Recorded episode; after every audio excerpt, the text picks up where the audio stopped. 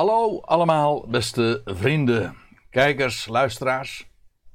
Hartelijk welkom in deze Bijbelstudie, de eerste in een hele nieuwe reeks van het seizoen 2020-2021. En ik vermoed eerlijk gezegd dat voorlopig deze manier van Bijbelstudie, ik bedoel hier vanuit mijn eigen studeerkamer, nog wel even door zal gaan. De zondagse samenkomsten die vinden inmiddels weer, wel weer uh, plaats. Maar uh, de bijbelavonden door de week uh, is het wat problematischer gesteld. En het is ook niet gezegd of alle bijbelavonden op deze wijze zullen worden ingevuld. Maar die van het Johannesevangelie voorlopig nog wel. Want dat hele corona verhaal ja, dat blijft zich maar voortslepen. En toen ik de laatste keer sprak over het Johannes-evangelie, dat zal in april, nee, mei of misschien zelfs juni geweest zijn. Toen had ik niet kunnen denken dat we in september nog steeds zozeer uh, hierdoor uh, beïnvloed zouden worden en uh, min of meer aan de ketting lagen zouden liggen. Afijn, zo is het gegaan. We laten ons hier natuurlijk niet door door eh, verstoren. In die zin dat we gewoon verder gaan met de Bijbelstudies. En we waren inmiddels, wat het Johannesevangelie betreft, al een heel eind gekomen. Dit is uh, studie nummer 60. En uh, we zijn al in het één na laatste hoofdstuk gearriveerd. Namelijk in hoofdstuk 20. En feitelijk ook bij de climax van het uh, Johannes evangelie. En feitelijk geldt dat voor ook uh, de andere evangeliebeschrijvingen van Matthäus, Marcus en Lucas. De grote climax, het grote hoogtepunt waar eigenlijk het, waar de evangeliebeschrijvingen naartoe werken, dat is inderdaad de opstanding van Jezus Christus. Wel, dat wordt in Johannes 20 ook beschreven. En uh, wellicht dat het even nuttig is om nog, zoals ik dat gebruikelijk ben te doen, even terug te blikken. Om weer uh, fatsoenlijk de draad te kunnen oppakken. Het voorgaande in Johannes 20, want we zullen nu dus vanaf vers 19 tot en met 31 gaan bespreken. En ik heb het als titel meegegeven: De verschijning aan de discipelen en ook later de verschijning aan de discipelen en Thomas. Maar eh, het voorgaande toont ons een geschiedenis die we alleen in het Johannesevangelie vinden. Namelijk de eerste verschijning van Jezus vlak na zijn opstanding. En ook nog voordat hij zich aan zijn vader zou presenteren als de eersteling. Heel bijzonder eigenlijk. Um, wat we daarbij uh, vooral ook hebben gezien is. Um, ik ben wat dieper toen ook ingegaan op de de typologie van, de, van dat wat verhaald wordt, dat Maria Magdalena feitelijk ook de rol vervult van Eva in de hof. In beide gevallen is de entourage, de, de hele scène setting ook uh, gelijk. Dat wil zeggen, in beide gevallen hebben we van doen met een, een hof, een tuin.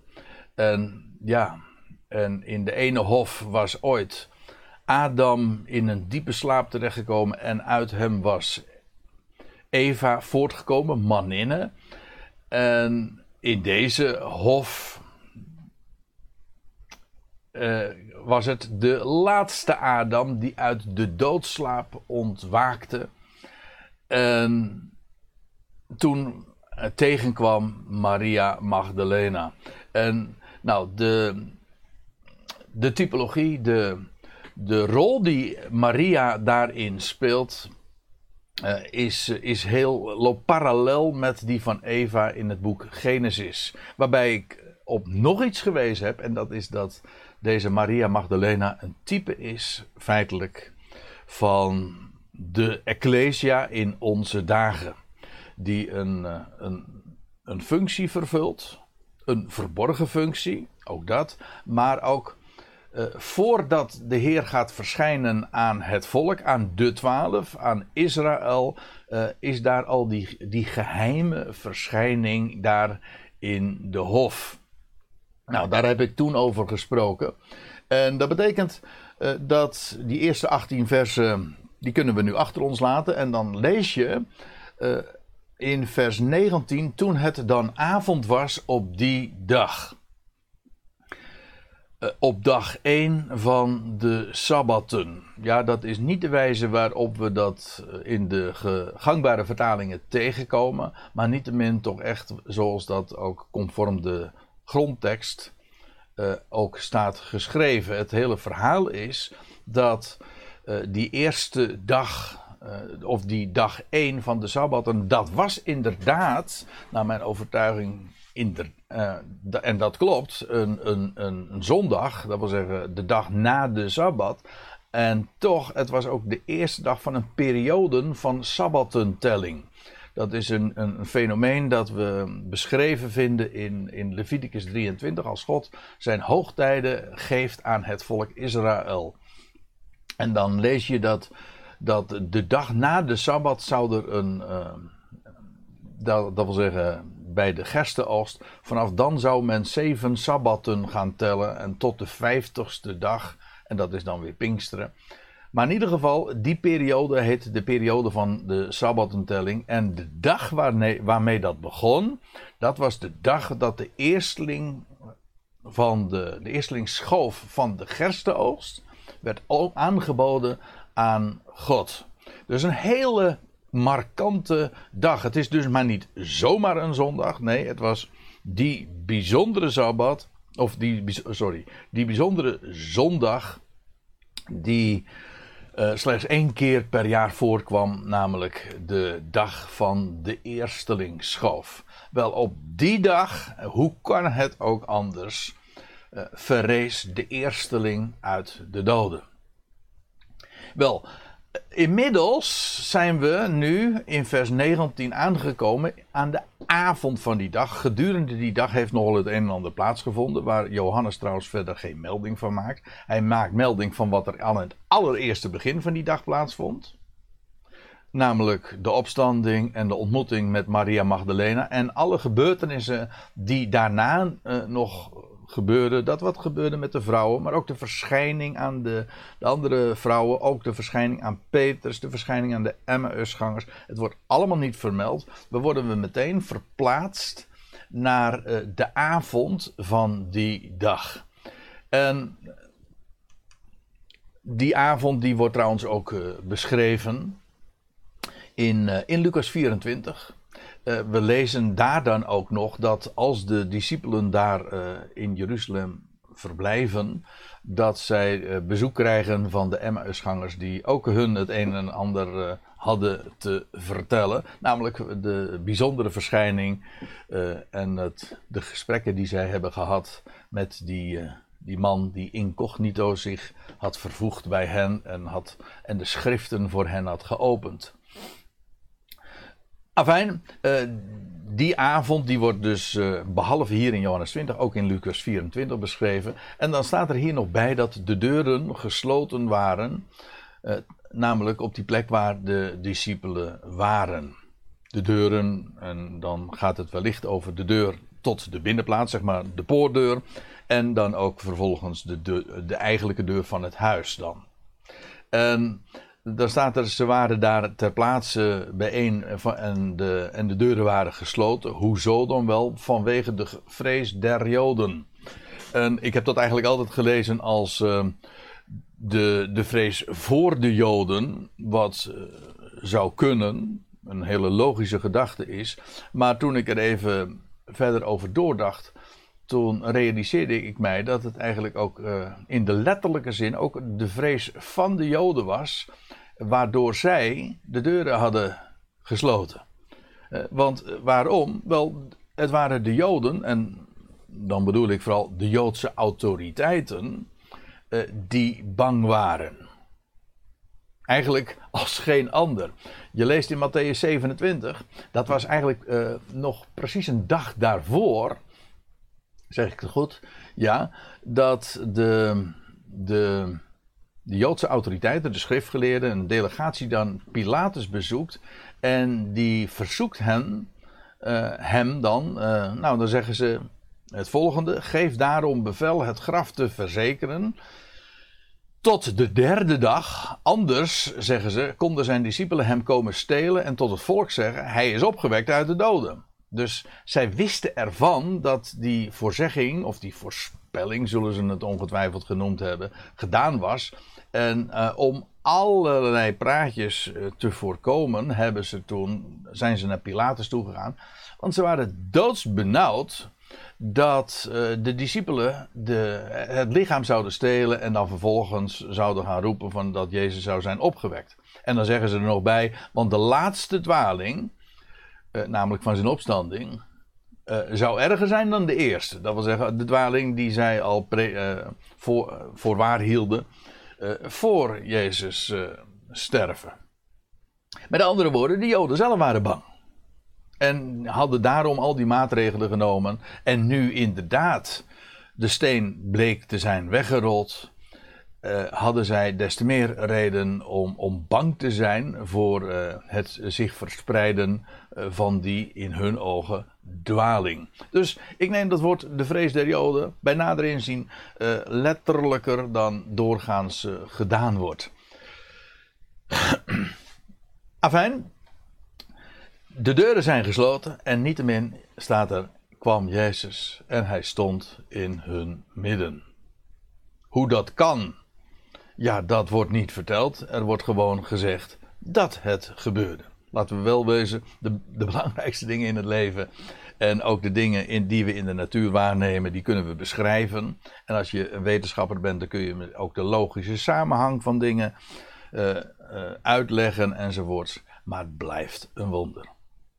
En dat geldt voor dit ook. Hoe dit kan. Uh, we, we, hebben misschien de neiging dat Jezus door gesloten deuren ging. Uh, als, een, als een soort.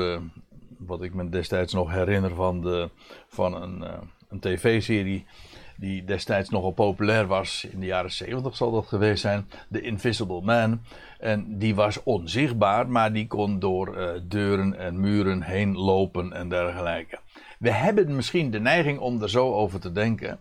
Maar zelfs dat is nog maar zeer de vraag. Misschien moeten we juist wel denken aan hele andere dimensies. Waarbij hij helemaal niet de, de begrenzingen en deuren of muren uh, hoefde te doorbreken. Hij kwam domweg. Sorry voor, het, voor het wat vreemde woord. Maar hij kwam simpelweg vanuit een, een andere dimensie. En hij stond in hun midden. Nou, daar hoef ik. Ik hoef dat verder ook niet te verklaren. Maar ik bedoel maar te zeggen. De verklaring die je daar misschien op eerste gezicht voor uh, zou aangeven. Dat hoeft ook helemaal niet. Er kunnen nog heel andere verklaringen daarvoor zijn. Maar laten we dat maar gewoon terzijde schuiven. Want het doet feitelijk voor het, voor het verstaan van dit geen rol. of, of het speelt geen rol. Jezus stond in hun midden en voor het lichaam van de opstanding, van de levendmaking, zijn gesloten deuren of muren of whatever uh, totaal geen rol. Dit lichaam is dan ook niet, zoals Johannes Paulus in 1 Corinthië 15 beschrijft, uh, ziels, geregeerd door ziel, maar geest. Ja, geestelijk, geestig, geest van pneumatisch, zo uh, staat er eigenlijk uh, vanuit het Grieks. Niet psychisch, maar pneumatisch. Jezus stond plotseling zo in hun midden en hij zei tot hen: Vrede zij jullie. En op zich is daar niks bijzonders aan, want dit is de gewone Hebreeuwse groet tot op de dag van vandaag. Shalom. Maar het moet toch duidelijk zijn dat dat hier een veel diepere uh, betekenis heeft. Als we even terugbladeren naar Johannes in het uh, Johannes Evangelie, dan zien we. Uh, in, dat was een paar dagen tevoren door Jezus nog gezegd. En, toen, en dan spreekt hij deze woorden uit: Vrede laat ik jullie. Laat ik bij jullie achter. En mijn vrede geef ik jullie. En dat is die vrede die die eigenlijk ook tot stand kwam door en in de opstanding. En eh, hij zegt er ook nog bij: Niet zoals de wereld die geeft, geef ik die jullie. Hij zegt: Laat jullie hart niet worden verontrust en ook niet timide zijn. Want we kennen iemand die, die sterker is dan de dood. Die levend gemaakt is van, door de levende God. Ja, en omdat we dat, eh, die waarheid kennen, omdat we Hem kennen, ja, eh, is daar zoveel reden om werkelijk vrede te hebben in de hoogste, in de diepste, in de breedste zin van het woord. Dus uh, als hij dat zo zegt, als eerste uitdrukking, vrede zijn jullie, ja, dan uh, heeft dat uh, zo'n diepgang. En terwijl hij dat zei, staat er in vers 20, en terwijl hij dat zei, toonde hij de handen en de zeide aan hen. Neem me niet kwalijk. Dit wordt trouwens ook gezegd in Lucas 24. En het eerste wat je dan leest, de discipelen verheugden zich toen zij de Heer waarnamen. De, er waren al diversen natuurlijk die inmiddels uh, daarvan hadden getuigd. Van de discipelen zelf alleen Petrus. Petrus uh, aan Petrus was de Heer inmiddels al verschenen gedurende een moment in de dag. En aan de dames natuurlijk al veel eerder. Maar uh, dat hebben ze de, de mannen niet erg betrouwbaar geacht. En ze hielden het, zo lees sorry, in het Lucas-evangelie voor zotteklap. Ze vonden dat een beetje uh, waanzin. Ze dachten dat het emotionele vrouwenpraat was of iets in die geest. Maar ja, toen kwam Petrus daar ook mee. En ja, de, de aanwijzingen waren zo bijzonder. De, de steen was weggerold, het graf was leeg. Maar nu, ja, nu stond hij in hun midden op een wonderbaarlijke wijze. En het eerste wat je dan leest is de discipelen verheugden zich.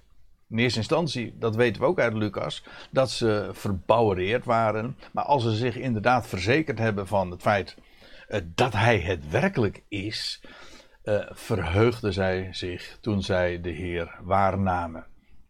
Ja, dit is, dit is zo kolossaal, dit is zo gigantisch, dit is echt, ik zei het aan het begin, maar dat is ook precies wat het is. Uh, het grote hoogtepunt van het evangelie, want deze waarheid, en dat zullen de discipelen op dat moment nog niet hebben gerealiseerd, maar dit is zo gigantisch, want dit is de meest historische dag in de hele wereldgeschiedenis, namelijk dat onvergankelijk leven aan het licht kwam. Het was beloofd, maar nu was het aan het licht gekomen. En de eersteling op die bewuste dag is verschenen. En vandaar de discipelen verheugden zich toen ze de Heer waarnamen. Later zegt dezezelfde Johannes in zijn brief uh, zo vangt hij dan min of meer met de deur. Uh, hij vangt daar ook mee aan en hij valt met de deur in huis. En dan zegt hij in hoofdstuk 1: uh, eh, Hetgeen wij als ooggetuigen, als apostelen, als discipelen gehoord hebben, hetgeen wij gezien hebben, met onze eigen ogen. Hetgeen wij aanschouwd hebben. Het is eigenlijk een, een, een opklimming. Eerst, we hadden het gehoord. We, hadden het, we hebben het vervolgens gezien met onze eigen ogen, niet gezien met de ogen van een ander.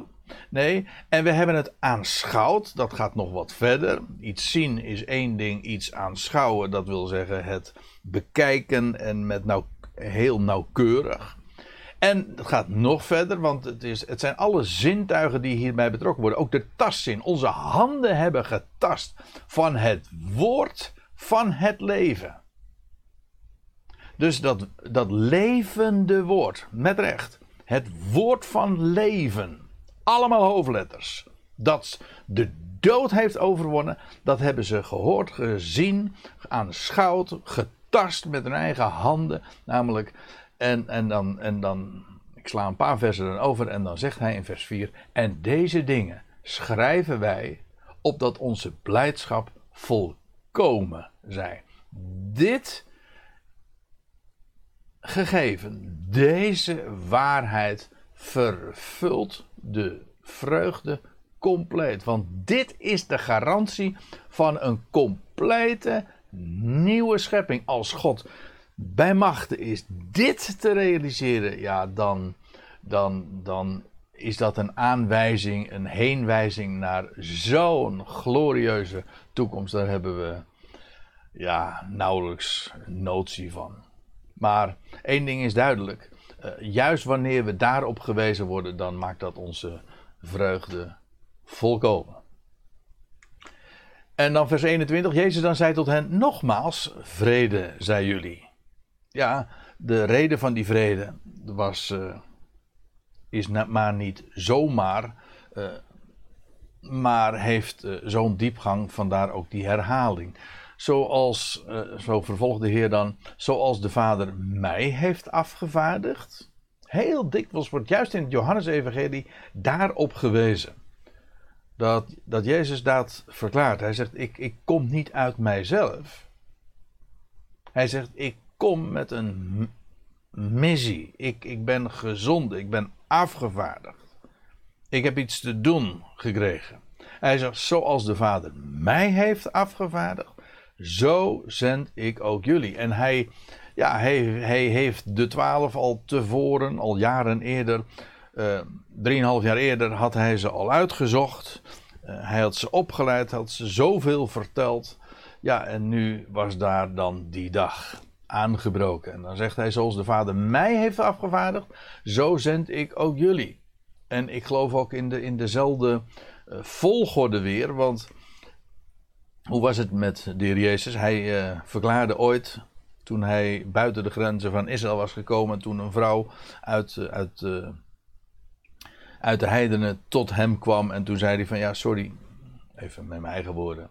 Hij zegt, ik ben gezonde, ik ben slechts gezonde tot het huis van Israël. De, de, de, volkeren die komen wel aan de beurt, maar dat is eerst het huis van Israël. Wel, dat was zijn missie, zijn afvaardiging. Maar dat geldt voor de discipelen net zo. Ook zij zouden eerst naar Israël gaan. Te beginnen in Jeruzalem. En ja, en eh, zoals de Heer Jezus dat trouwens ook al eerder had gezegd eh, in dat zogenoemde hoge priesterlijk gebed in Johannes 17, dat hij verklaarde, zoals u mij hebt afgevaardigd in de wereld, zo vaardig ook ik hen af in de wereld. Israël eerst en uiteindelijk heel de volkerwereld zal volgen. Nou ja, er is een kink in de kabel gekomen. Israël heeft het afgewezen. En dat heeft dan weer alles te maken met Paulus, die dan eh, wordt geroepen. Maar niettemin, dat was de, het perspectief van waaruit men handelde en predikte. En het woord herauten. En dan nog iets. De Heer is dan verschenen. En hij heeft het een en ander inmiddels gezegd. En dan zegt hij in vers 22: En terwijl hij dit zei, ademde hij en zei tot hen: Ontvangt Heilige Geest. Niet ontvang de Heilige Geest. Nee, hij, sprak en hij ademde. In de Statenvertaling en ook in de NBG-vertaling, dan lees je: Hij blies op hen. Uh, de wijze waarop dit uh, wordt geformuleerd in, in het Grieks, dat, uh, dat komen we alleen, dit werkwoord komen we alleen hier tegen in het Nieuwe Testament. En toch bekennen deze uitdrukking wel, maar dan is het vanuit de Griekse vertaling van het Oude Testament, de, de Septuagint. Daar lees je deze, dit werkwoord, daar zien we dit werkwoord ook, dezelfde vorm zelfs, in Genesis 2, vers 7. En daar wordt het trouwens vertaald met inblazen. Als Adam, uh, als de mens wordt geformeerd uit het stof van de aardbodem, dan lees je dat, dat God in hem blies. En zo staat er, en alzo werd de mens een levende ziel. Daar heeft Paulus dan later in 1 Corinthië 15 ook nog heel wat over te zeggen. Maar het gaat me even om het punt dat hier wordt gesproken. En eigenlijk ook uh, ook hier worden we weer bepaald bij wat er ooit in de Hof van Ede plaatsvond. Namelijk dat de mens uh, geformeerd wordt en levend gemaakt wordt. Hij ontvangt geest. En de geest van het leven, en alzo werd hij een levende ziel. Maar hier is het niet zomaar geest, uh, waardoor hij begon te ademen en het biologische leven aanving. Nee, dit is heilige geest. Dit is goddelijke geest. Dat uh, erop wijst dat dit maar niet te maken heeft met vergankelijk leven, maar met onvergankelijk leven. En dat is waar Heilige Geest ook inderdaad van spreekt. Het eerste wat feitelijk uh, dan gebeurt bij die eerste ontmoeting, is dat de Heer Jezus hen deelt, laat delen, de zijnen laat delen in, in dat wat hij ademt. Zijn geest, heilige geest. Een onvergankelijk leven. En dan wil ik op nog iets wijzen, en daar staat, want er staat namelijk, uh, en dit zeggende, ademde hij op hen. Kijk maar in, die, in de interlineair. En dit zeggende, hij ademde hij op hen. Of uh, zoals ik in, uh, in de vertaling, in de werkvertaling heb weergegeven. En dat betekent namelijk, en terwijl hij dit zei, ademde hij of blies hij op hen, of hoe je het ook maar wil weergeven. Maar dat betekent dus dat het geven van de Heilige Geest gaat samen met het spreken. En dat is een diepe waarheid, want dat betekent namelijk dat door zijn woord, en woord kan slechts gesproken worden door te ademen. Het is door te spreken uh, geven we adem vorm. En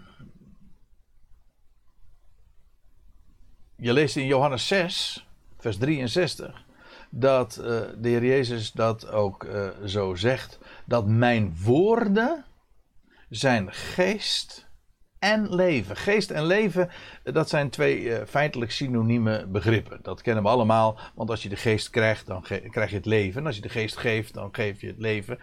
Uh, als wij zeggen trouwens de geest geven, dan ga je dood. Maar als de Heer hier de geest geeft, dan geeft hij heilige geest, namelijk onvergankelijk leven. Dan, dan sterft hij niet. Nee, dan laat hij anderen delen in het leven van hemzelf.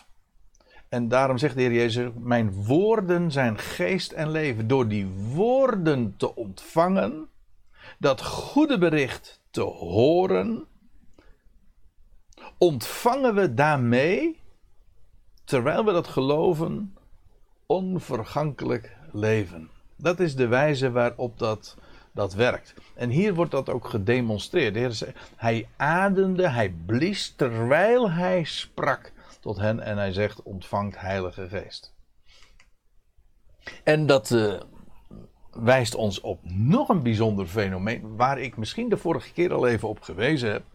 En ik doe dat nu uh, opnieuw, maar dat is dat bij Johannes alles wordt samengebald in het feit en ook in de dag van de opstanding. Want wat was er gebeurd? Op, die, op deze dag van de eerstelingsschoof. De Heer stond op uit de doden. En vervolgens. Hij geeft Heilige Geest. En dat is eh, wat wij zeggen van ja, maar dat gebeurde pas op de vijftigste dag. Toen kregen ze pas de Heilige Geest. Ja, toen kregen ze het demonstratief. Toen kwam de Geest over hen. En als, uh, als iets wat ook zichtbaar was. De, de fenomenen die op de Pinksterdag, die zijn al onbekend, uh, zichtbaar werden, hoorbaar werden. Uh, dat is waar. Toen kwam de geest over hen. Maar hier ontvangt men door woord, terwijl hij zei, sprak, ontvangt men Heilige Geest. Dat betekent dus feitelijk Wat voor in onze beleving, en het is zelfs spreekwoordelijk, hè, als, we zeggen, als we zeggen van iets zal nooit gebeuren, dan zeggen we uh, spreekwoordelijk, als, ja, het zal gebeuren als Pasen en Pinksteren op één dag vallen. Met andere woorden, dat gebeurt nooit. En uh, de aardigheid is dat in het Johannes-evangelie het wel gebeurt. Daar vallen Pasen en Pinksteren, de dag van zijn opstanding en het ontvangen van de Heilige Geest op één dag. Dat is bijzonder. En dan moet ik er nog iets bij zeggen, want en dat was de reden waarom ik het al een keer eerder ook heb gememoreerd. Feitelijk de hemelvaart ook. Want als de Heer Jezus uh, is verschenen aan Maria, uh, maar in, in de hof, dan wil ze hem vastpakken. En dan zegt: Nee, doe dat niet. Hij zegt: Want ik ben nog niet opgevaren naar mijn vader in de hemel. Later kan hij wel ge, uh, aangeraakt worden, aange, ge, gepakt worden. Maar op dat moment nog niet. De Heer was nog niet opgevaren. het idee is dat de Heer op de dag van de eerstelingsschoof naar zijn vader is gegaan en zich heeft aangemeld en daar ook verblijf had. Kijk, op 40 dagen later zou hij demonstratief, terwijl een wolk hem onttrok aan hun ogen, zou hij het aardse toneel verlaten. Maar de echte hemelvaart, principieel, vond plaats op de dag van zijn opstanding. Zodat en Pasen, als, u, als ik het even in die terminologie mag zeggen. En Pasen en Hemelvaart en Pinksteren vallen allemaal op één dag. Principieel. En het is Johannes die dat zo geweldig onderstreept.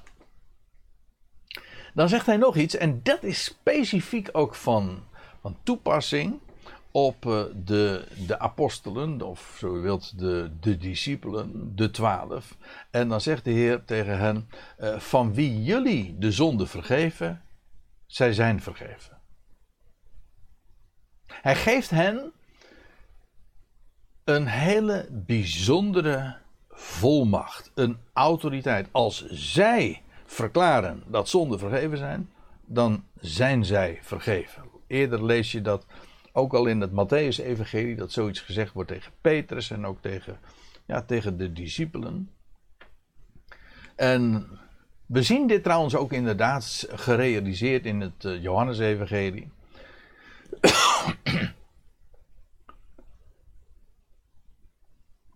Als Petrus uh, en dat is dat uh, een aantal maanden later, als Petrus dan op het tempelplein is en uh, die, die man die verlamd was vanaf zijn geboorte had genezen. En dan ook voorhoudt dat die man een, een, een, een beeld is, een voorbeeld is voor het volk van Israël. En dan zegt hij: Ja, jullie hebben, jullie hebben de Messias gedood. En dan zegt hij: Ja, ik verklaar, het is in onwetendheid gebeurd. In feite wat hij zegt, het is jullie vergeven. Wat je trouwens uit de evangelie niet direct op zou maken dat het in onwetendheid is gebeurd. Maar Petrus zegt, het is in onwetendheid gebeurd en het is jullie vergeven. En daarom zegt hij ook, in, en dat is wat in het boek Handelingen ook geproclameerd wordt, dat hij, uh, dat Israël alsnog de Messias zou aannemen. Nu niet de, de, Messias, de gekruisigde, maar de opgestaande, de levende Messias. En uh, hij, wat hij doet is hen alsnog uh, vergeving aanbieden. Wie jullie de zonde vergeven, ze zijn vergeven. En Petrus als woordvoerder van de twaalf heeft dat ook zo gedaan. Trouwens, aan Petrus waren ook de sleutels van het koninkrijk toevertrouwd. Dat is feitelijk wat hier, met andere woorden, in Johannes 20, vers 23 ook gezegd wordt. Het was trouwens ook omgekeerd, dat wil zeggen, niet alleen de positieve kant van vergeven, maar wie jullie ze, jullie, uh, ze de zonde houden. In de MBG-vertaling staat wie jullie ze toerekenen, die zijn ze toegerekend. Voor wie jullie de zonde houden, ze zijn gehouden. Ook dat zien we trouwens in het boek Handelingen gedemonstreerd. Uh, het wijst op de bijzondere autoriteit die aan de twaalf is gegeven. Ook daar is het trouwens Petrus die, uh, die de woordvoerder is. Als Ananias en Safira in die geschiedenis, in Handelingen 5, uh, menen het zich te kunnen permitteren om, om een, een, een, valse voorstelling van zaken te geven. Dan verklaart Petrus dat zij, zij zullen sterven. En inderdaad, ze vallen ter plekke ook dood neer. Eerst Ananias, later ook Savira. Of was het omgekeerd? Nou ja, hoe dan ook. Wie jullie de zonde houden, ze zijn gehouden. En deze dingen die we hier in vers 23 beschreven vinden, die, die zijn ook concreet in de geschiedenis. En we vinden dat dus opgetekend later in het boek Handelingen. Uh, wordt dat, vinden we daar de, de vervulling ook van. En dan staat er in vers 24 Thomas nu. Eén uit de twaalf, Didymus genaamd, die was niet met hen toen Jezus kwam. Thomas, uh, zijn naam uh, betekent, dat is een Aramees woord of Hebreeuws, een uh, Hebreeuws dialect dat is hetzelfde als Didymus. Het ene is Aramees, het andere is Grieks. Maar beide hebben dezelfde betekenis en betekent namelijk dubbel. Dat die kennen we nog wel, want dat, dat heeft bij ons ook de, in vele woorden de, de, de klank en de betekenis van dubbel en twee. En ja, je hoeft niet zo heel erg associatief te kunnen denken om hieruit de conclusie te trekken dat Thomas kennelijk er een van een tweeling is geweest. Dat hij die, die naam had. En ik moet zeggen, het is uh, ook wel vrij uh, veelzeggend. Hij was een tweeling. En wat we vooral van Thomas ook weten en wat bekend van hem is, dat hij ja, uh, zo dubbel was. Er was twee strijd in hem, of zoals de Duitsers dat zeggen, er was twijfel. En dat, daar zit het woordje zwei in, en dat betekent dus twee. Ons woord twijfel komt dat dan weer uit het Duits. Maar uh, Thomas, hij was inderdaad daarin dubbel. Hij was bij die, op die eerste bewuste avond er niet bij. En dan staat er in vers 25: De andere discipelen dan zeiden tot hem: Wij hebben de Heer gezien. Heel enthousiast natuurlijk, want uh, ja, hun, hun vreugde kon niet op. En, en dan staat er: Maar hij zei tegen hen: Als ik niet waarneem het litteken van de spijkers in zijn handen.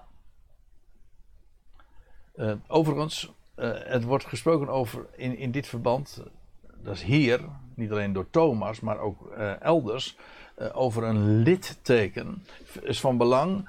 Het, het, lichaam van de Heer had in zijn opstanding. Dat worden nooit wonden genoemd. Het zijn littekenen. Ook de Heer in zijn opstanding, als hij uh, zichtbaar werd, dan werden de, de tekenen in zijn handen, in zijn voeten en ook in zijn zijde uh, gezien. Maar dat waren geen wonden meer, maar het waren littekenen die herinnerden aan dat wat er uh, kort tevoren was gebeurd en had plaatsgevonden.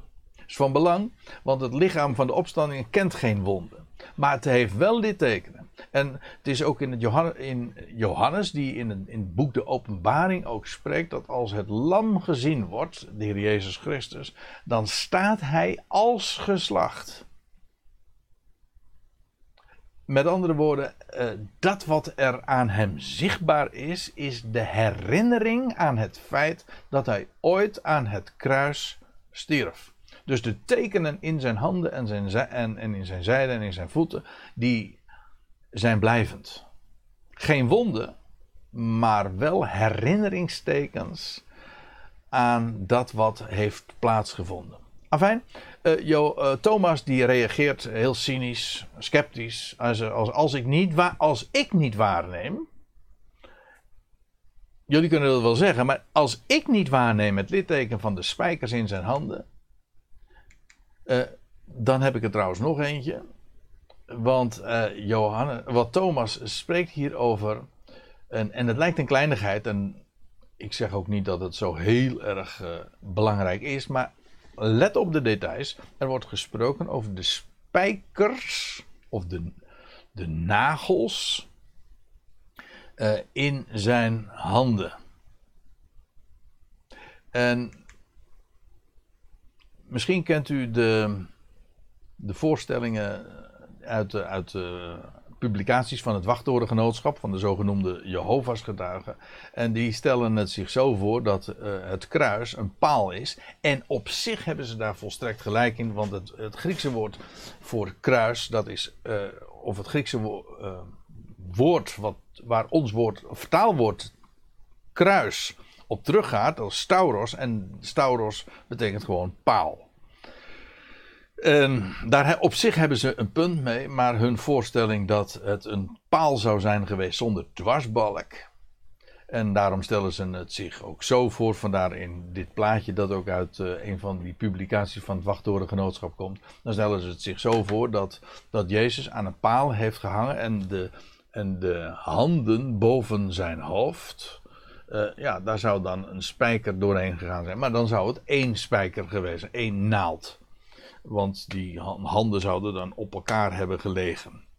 Daar zou je ook nog weer wat tegen in kunnen brengen. Maar in ieder geval, zo wordt dat dan voorgesteld. Maar dat klopt niet. Het is niet één spijker. Het waren beide spijkers. En uh, dat wijst ook inderdaad in de richting van een dwarsbalk die die paal heeft gehad. En, ja, en dat brengt ons dan via die route toch op een, eh, een paal met een dwarsbalk. Hoewel het dus niet uit het woord zelf blijkt. Dat moet ik er eerlijkheidshalve wel uh, sorry, aan toevoegen. En hij, de, maar Thomas zegt dus heel sceptisch, als een, uh, het klinkt haast wetenschappelijk, hij zegt ik moet het eerst zelf zien. Jullie kunt wel beweren. Hij zegt maar als ik niet ook mijn vingers steek in het litteken van de spijkers. Hij wil het niet zien, hij moet het ook zelfs. Hij, eist eigenlijk ook. Hij zegt: Ik moet het zelf ook kunnen voelen met mijn eigen vingers tasten.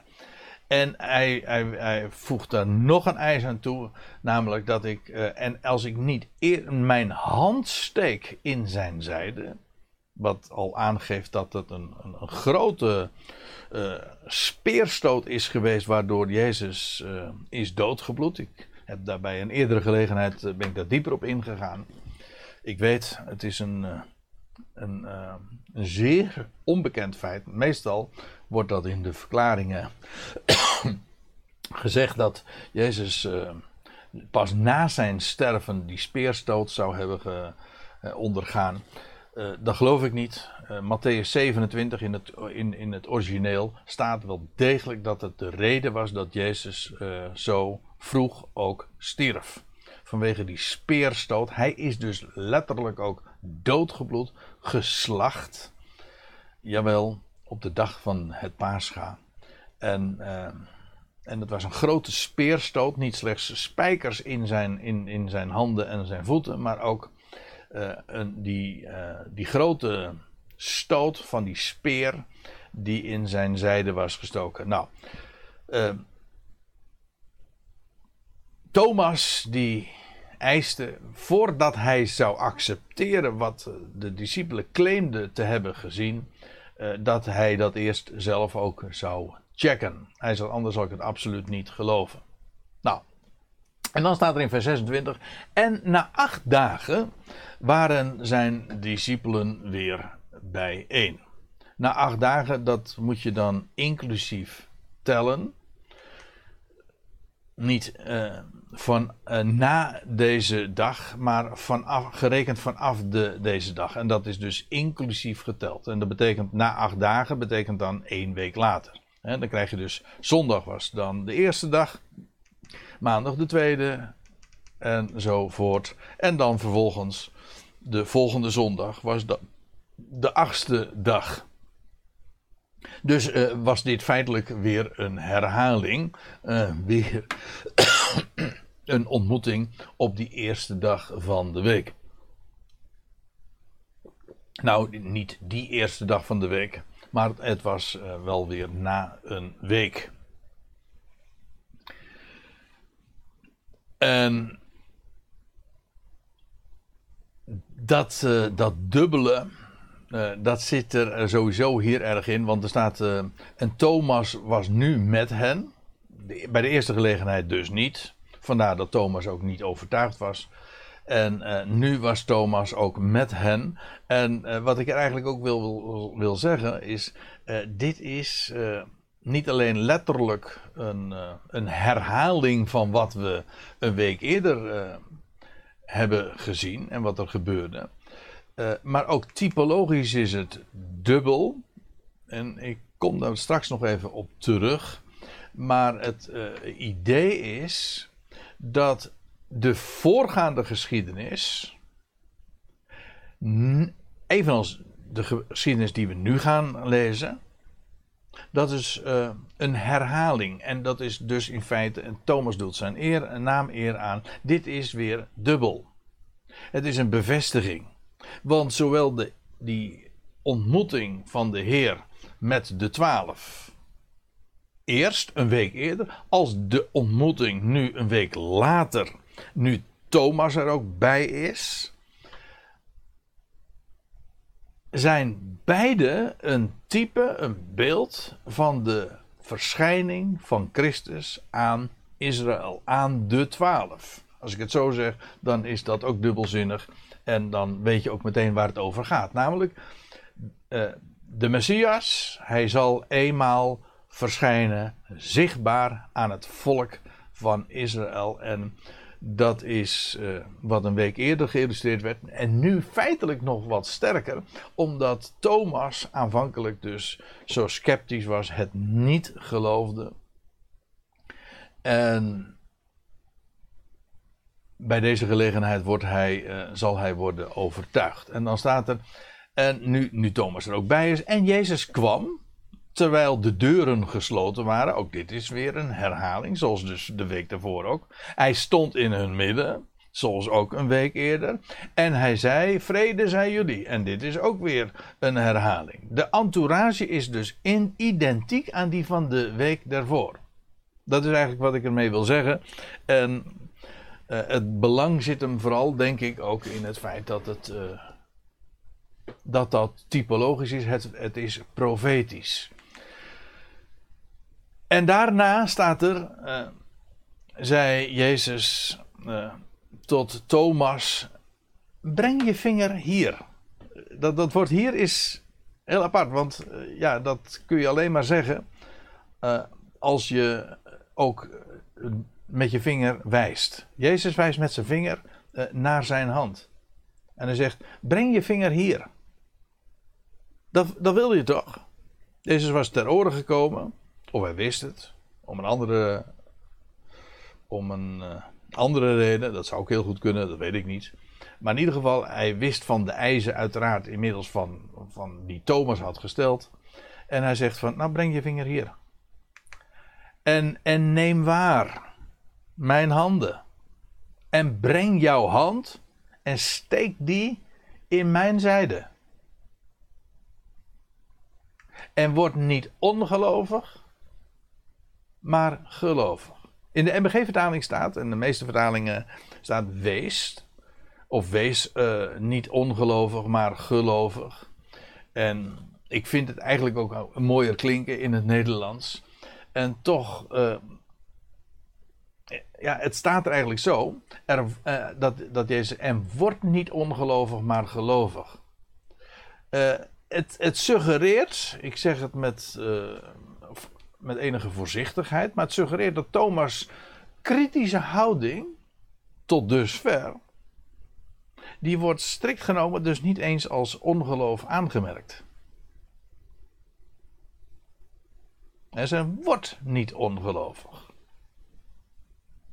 Kijk, in feite wat uh, Thomas uh, had gezegd. Kijk, Thomas, hij wilde wel geloven, maar hij eiste het zelfde zintuigelijke bewijs als dat wat zijn collega-apostelen, zijn medeleerlingen, ook hadden gezien of claimden te hebben gezien. Hij zegt, ja, dat kunnen jullie wel vertellen. Jullie hebben het gezien, jullie hebben het gehoord. Hij zegt, maar ik wil het zelf met mijn eigen ogen zien. En pas als ik hetzelfde bewijs heb als wat jullie hebben gehad, of zeggen te hebben gehad, dan zal ik het geloven. En ja, het is op deze wijze dat, uh, dat, dat Thomas uh, wordt, uh, wordt overtuigd. Want de, de aardigheid is dat hij weliswaar die eisen had gesteld van het zien van het tekenen. En zijn vingers steken in, in, in, de, in de handen. En, en zijn hand in de zijde. En doet Thomas dat dan ook als Jezus uh, in, uh, in, in, daar in die kring uh, zo verschijnt? Nee, daar wordt allemaal niet meer gezegd. Thomas is in één klap helemaal overtuigd. Zijn scepsis is overwonnen. Zijn kritische zin is bevredigd. Hij ziet het met eigen ogen. En hij hoeft verder niet eens meer uh, dit te checken met zijn vingers of met zijn hand. Hij weet dat wat, zijn, uh, wat de medediscipelen en zoveel anderen inmiddels hadden gezegd, dat was waar. En nu kon hij het zelf beamen. En het, wat, de, de reactie van Thomas is veelzeggend. Hij zei, Thomas antwoordde. En hij zei tot hem, mijn Heer en mijn God.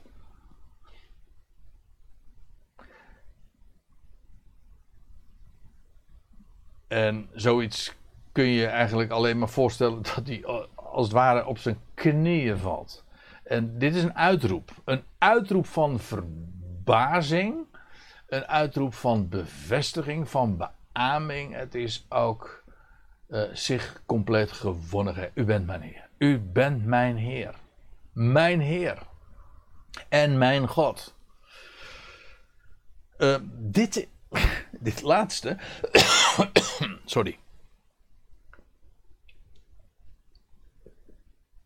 Dit laatste, dat uh, is nog wel eens een keer uh, in, in, in allerlei theologische discussies uh, teruggekomen, omdat dit een van de teksten dan is waaruit zou blijken dat, dat Thomas Jezus als God erkent.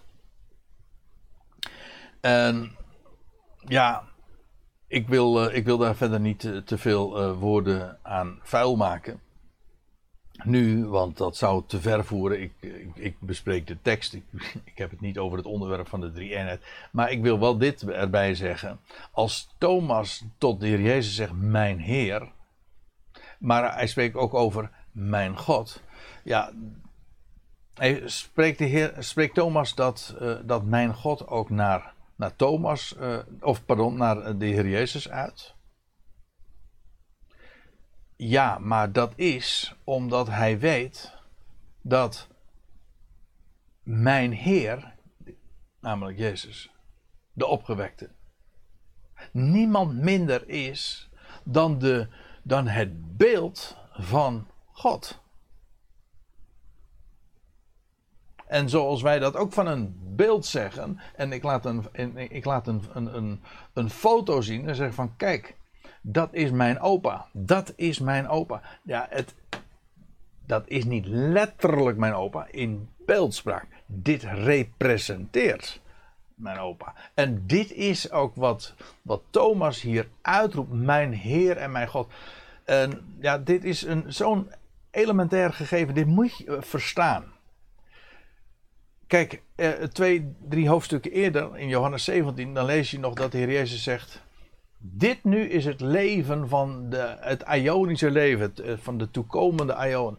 Hij zegt dat zij u kennen, de enige waarachtige God, u, de enige waarachtige God en Jezus Christus, die u gezonden hebt. Dus hij spreekt zijn vader aan als de enige waarachtige God. En hij zelf als de afgevaardigde, de representant, degene die die God vertegenwoordigt. Dus als je zegt, de Heer Jezus Christus is God, dat is volstrekt bijbels. Maar ik moet er wel bij zeggen, het is beeldspraak. Hij is het, dat zegt Paulus op meerdere plaatsen ook in zijn brieven. Hij is het beeld van de onzienlijke God. En dus is hij God. Ja, maar dat is dus met recht beeldspraak. Trouwens, ik hoef niet eens naar andere brieven of andere geschriften te gaan. In Johannes Evangelie zelf is het al zo duidelijk. Kort tevoren, een paar dagen eerder, zegt de Heer Jezus al tegen, tegen ik meen ook dat het Thomas was. Ik moet het even nakijken in vers 14, vers 9. Ja, Thomas en Filippus. Uh, dat de Heer Jezus verklaart: uh, Wie mij gezien heeft, heeft de Vader gezien. Zegt de Heer Jezus daarmee van: Ik ben de Vader? Nee, hij zegt: Als je mij gezien hebt, dan heb je daarmee ook de Vader gezien. Want ik vertegenwoordig hem volkomen. Wie mij ziet, ziet daarmee dus ook God. Ja, ik weet niet hoe ik het anders nog beter, duidelijker moet verklaren. Maar dit is dus geen, geen theologische uitspraak. Dit is, ja, dit is feitelijk semantiek. Dit heeft te maken met, ja, als je het, het, het, de elementaire, uh, uh, de elementen van de, van, van de, van stijlfiguren niet kent, en dat is beeldspraak, ja, dan, dan versta je dit, begrijp je dit niet. Maar we zijn hier zo vertrouwd mee in het alledaagse leven dat we, uh, dat we beeldspraak kennen. Uh, en dat is wat uh, we hier ook vinden in, in Johannes 20, vers 28, maar ook elders. Trouwens, in het Johannes-evangelie begon er ooit al mee. Dan zegt Johannes: Niemand heeft ooit God gezien. De enige geboren zoon die in de boezem van de Vader is, nu. Johannes schrijft dit, uh, op, tekent dit op en hij zegt van ja, nu is die enige geboren zoon van God in de boezem van de Vader, daar in, in gemeenschap bij God. Hij zegt, die is degene die hem ontvouwt. God is de onzienlijke God. En vandaar ook niemand heeft ooit God gezien. Ook Thomas niet. Dus in de absolute zin heeft Thomas natuurlijk niet God gezien. Nee, maar hij heeft wel degene gezien die de Vader vertegenwoordigt en ontvouwt en verduidelijkt en openbaart. Dat is de enige geboren zoon. En uh, ja, zo verklaar ik en zo uh, versta ik Johannes 20, vers 28, de uitspraak van Johannes of van Thomas, die neervalt en in zijn Heer inderdaad de openbaring van God ziet. Dat is het. De openbaring van de onzienlijke God. Nou, daar wilde ik het maar even bij laten. Ik zei al, het voert te ver om dit, uh, dit, dit uh, hele onderwerp nog breder uit, uh, uit te spitten. Ik denk ook niet dat dat nodig is. Ik denk dat als je het hele begrip van beeldspraak verstaat, dat dit geen enkel probleem hoeft op te leveren. Dan staat er in vers 29 nog dat de Heer Jezus tegen Thomas zegt: Omdat je mij gezien hebt, heb je geloofd?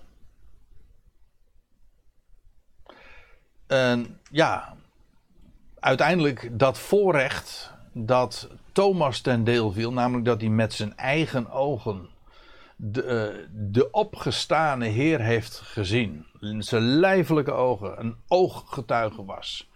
Ja, dat is een voorrecht dat slechts aan enkele honden is toevertrouwd. Of voorbehouden. Paulus uh, spreekt uh, over, ja, bij één gelegenheid waren er zelfs meer, meer dan 500 broeders tegelijk. En als dat er inclusief zusters is geweest, waar ik even van uitga, uh, dan, dan mogen we aannemen dat daar, dat daar ruim 500 mensen ooit geweest zijn. Die, die Jezus inderdaad in levende lijf met hun eigen ogen hebben gezien. En Paulus zegt, ja, als laatste is hij ook aan mij verschenen. Daarna dus niet meer. Paulus is in dat opzicht ook de hekkensluiter. Nou, waar ik de vorige keer, waar ik zojuist al eventjes op, op hintte, is dat wat Thomas hier ziet. En wat Thomas hier overkomt. Thomas, hij geloofde het niet. Dat wat er allemaal was verteld. Maar nu, uiteindelijk, ziet hij de opgestane Heer. En nu valt hij voor zijn voeten neer en erkent hem als mijn Heer en mijn God. Wel, Thomas is een prachtig type natuurlijk van het volk Israël. Dat inderdaad ook gelovig zal worden. Hoe? Doordat ze de Messias, die zij doorstoken hebben, aan zijn tekenen zullen ze, zullen ze hem herkennen. En dan zullen ze ook vragen: wat zijn dat voor tekenen in uw handen? En dan zegt hij: dat is, zijn de tekenen die, waarmee ik geslagen ben in het huis van mijn liefhebbers. Zachariah 13. En, en zo zal Thomas, eh, of zo kwam Thomas tot, tot erkenning door, door fysieke overtuiging. Zijn ogen hebben het gezien. Wel, zo gaat het met Israël straks ook. Die zal inderdaad gelovig worden. Niet door gehoor, maar door te zien. En de Heer zegt: Je hebt mij gezien. Uh, maar hij, nou, nou komt er een, een zalig verklaring, of eigenlijk, uh, dat klinkt mij een beetje te sacraal, te, te kerkelijk, te klericaal. Uh, maar het is niet zalig, maar gelukkig zijn zij die niet waarnamen. Die niet met de ogen of met de, met, uh, ja, met de oren wel. Het gaat wel via het gehoor, maar in ieder geval niet via verificatie. met zintuigelijk te checken. Gelukkig zijn zij die niet waarnamen en toch geloven. Ja, en dat, dit slaat dus feitelijk, dit is een, een gelukkig verklaring van alle na de apostolische tijd. Dat het woord is doorgegaan van de opgestane Heer. Maar er niets te zien is. Ja, en dat is de tijd eh, waar wij al eigenlijk van, sinds de eerste eeuw na de dood van de apostelen eh, ons in bevinden. De tijd van niet zien, maar we geloven enkel geloof in de schriften. Dat is trouwens ook wat hier uh, Paul opstaat. Want uh, Johannes sluit eigenlijk zijn evangelie hier al voor het eerst af. Zo staat het trouwens in mijn Bijbel ook boven. Het eerste slot. Feitelijk is hoofdstuk 20, waar we het de volgende keer over zullen gaan hebben. Een, een appendix. En dan volgt aan het einde van hoofdstuk 21 ook nog een, een tweede slot. Uh, ook dat is dubbel dus. Maar uh, hier wordt het feitelijk al afgesloten. En Johannes zegt dan, uh, en hij refereert daarmee ook en sluit aan op wat Jezus zojuist had gezegd. Hij zegt inderdaad, Jezus deed ook nog vele andere tekenen voor het oog van zijn discipelen. En ook tekenen na zijn opstanding. Hij zegt, maar deze zijn, uh, of, hij deed vele andere tekenen die niet zijn beschreven in deze boekrol. Met andere woorden, Johannes heeft in zijn evangelie uh, geselecteerd. Reken maar dat hij enorm veel zich herinnert, maar hij heeft uh, zoveel weggelaten. Hij, hij zal dat trouwens later in zijn zijn evangelie uh, ook mee besluiten. In dat laatste vers, hij zegt, als het allemaal was gebeurd, hij zegt, ja, dan had, dan had geen bibliotheek groot genoeg geweest om dat allemaal te vermelden. En uh, hij zegt, dit is een selectie. Wat op geschrift gesteld is, dat is een selectie en ook een compositie. Het moet deze zijn gegeven en zodanig geselecteerd, zodanig beschreven uh, in deze boekrol. En uh, hoezo? Nou, dan volgt vers 31. Deze echter zijn beschreven opdat jullie zouden geloven. Er is dus heel veel uh, gebeurd. Er zijn vele, vele tekenen geweest. Ze zijn allemaal niet vermeld. Voor een deel door de andere evangelie-beschrijvingen, oké. Maar Johannes zegt, uh, veruit het meeste heb ik allemaal weggelaten. Hij zegt, maar dit is op schrift gesteld, beschreven. Geboekstaafd. Waarom? Opdat jullie zouden geloven. En dat komt, het betekent dus eigenlijk dat de schriften, dat wat beschreven is, dat vervult feitelijk de leemte, het hiaat, het gat van het niet zien. Ik bedoel, wij zien niet. En dat is, dan zou je zeggen, dat is een handicap. Dat is een leemte. Jawel, maar wij hebben de schriften. En die schriften zijn zo geweldig groot. Zo heerlijk. Zo overtuigend ook. Zo vol levenskracht. Dat zijn maar niet lettertjes, dode lettertjes. Nee, het is woord van leven. En het is woord dat zichzelf bewijst. En al die schriften tezamen vormen een compositie, zoals puzzelstukjes bij elkaar horen. En dat heeft zo'n kracht, zodat je natuurlijk aan de ene kant zou kunnen zeggen van ja, maar wij zien niks. Nee, maar wij hebben de schriften. En die schriften zijn zo oneindig veel waard. En Johannes zegt dan ook, deze zijn beschreven opdat jullie zouden geloven. Met andere woorden, eh, deze uh, schriften zijn overtuigend, hebben overtuigingskracht. Laat de schrift los en, uh, of ik refereer eigenlijk aan een spreekwoord van laat de leeuw maar los en hij zal zijn kracht bewijzen. Dat is met de schrift ook. En de schrift hoef je niks toe te voegen.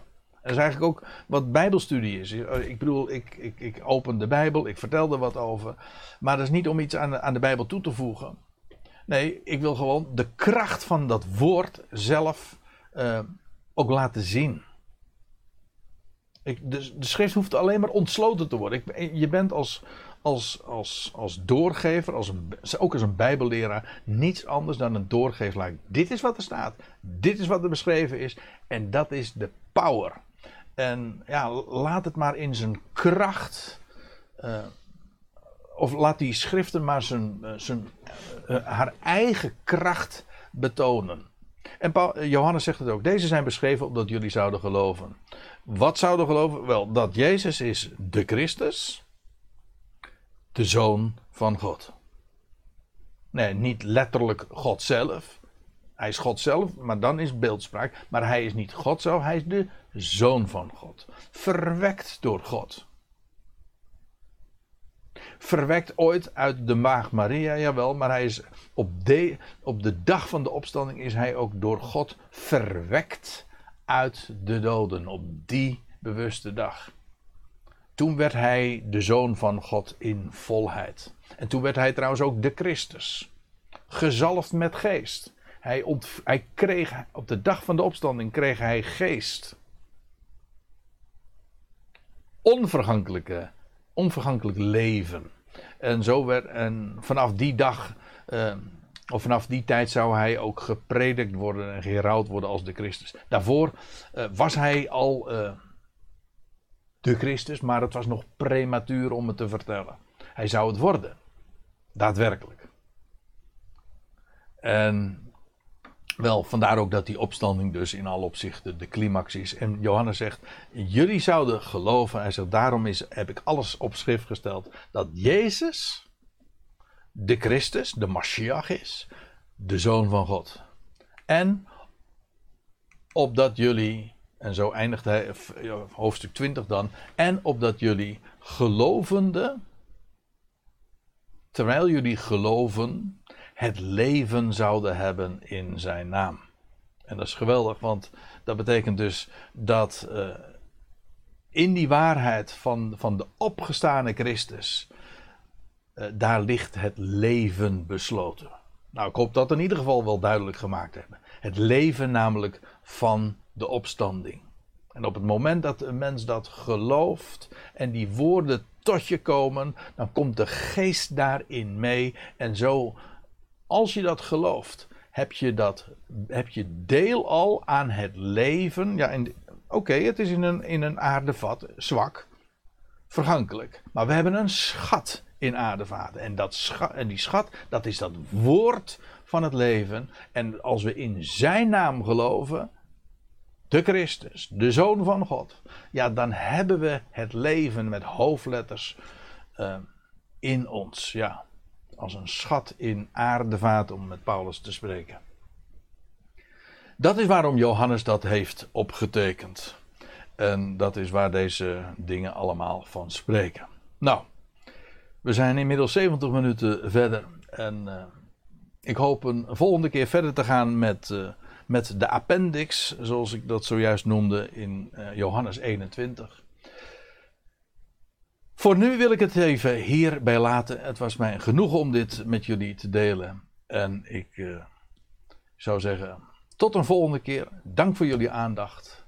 En God zegen allemaal.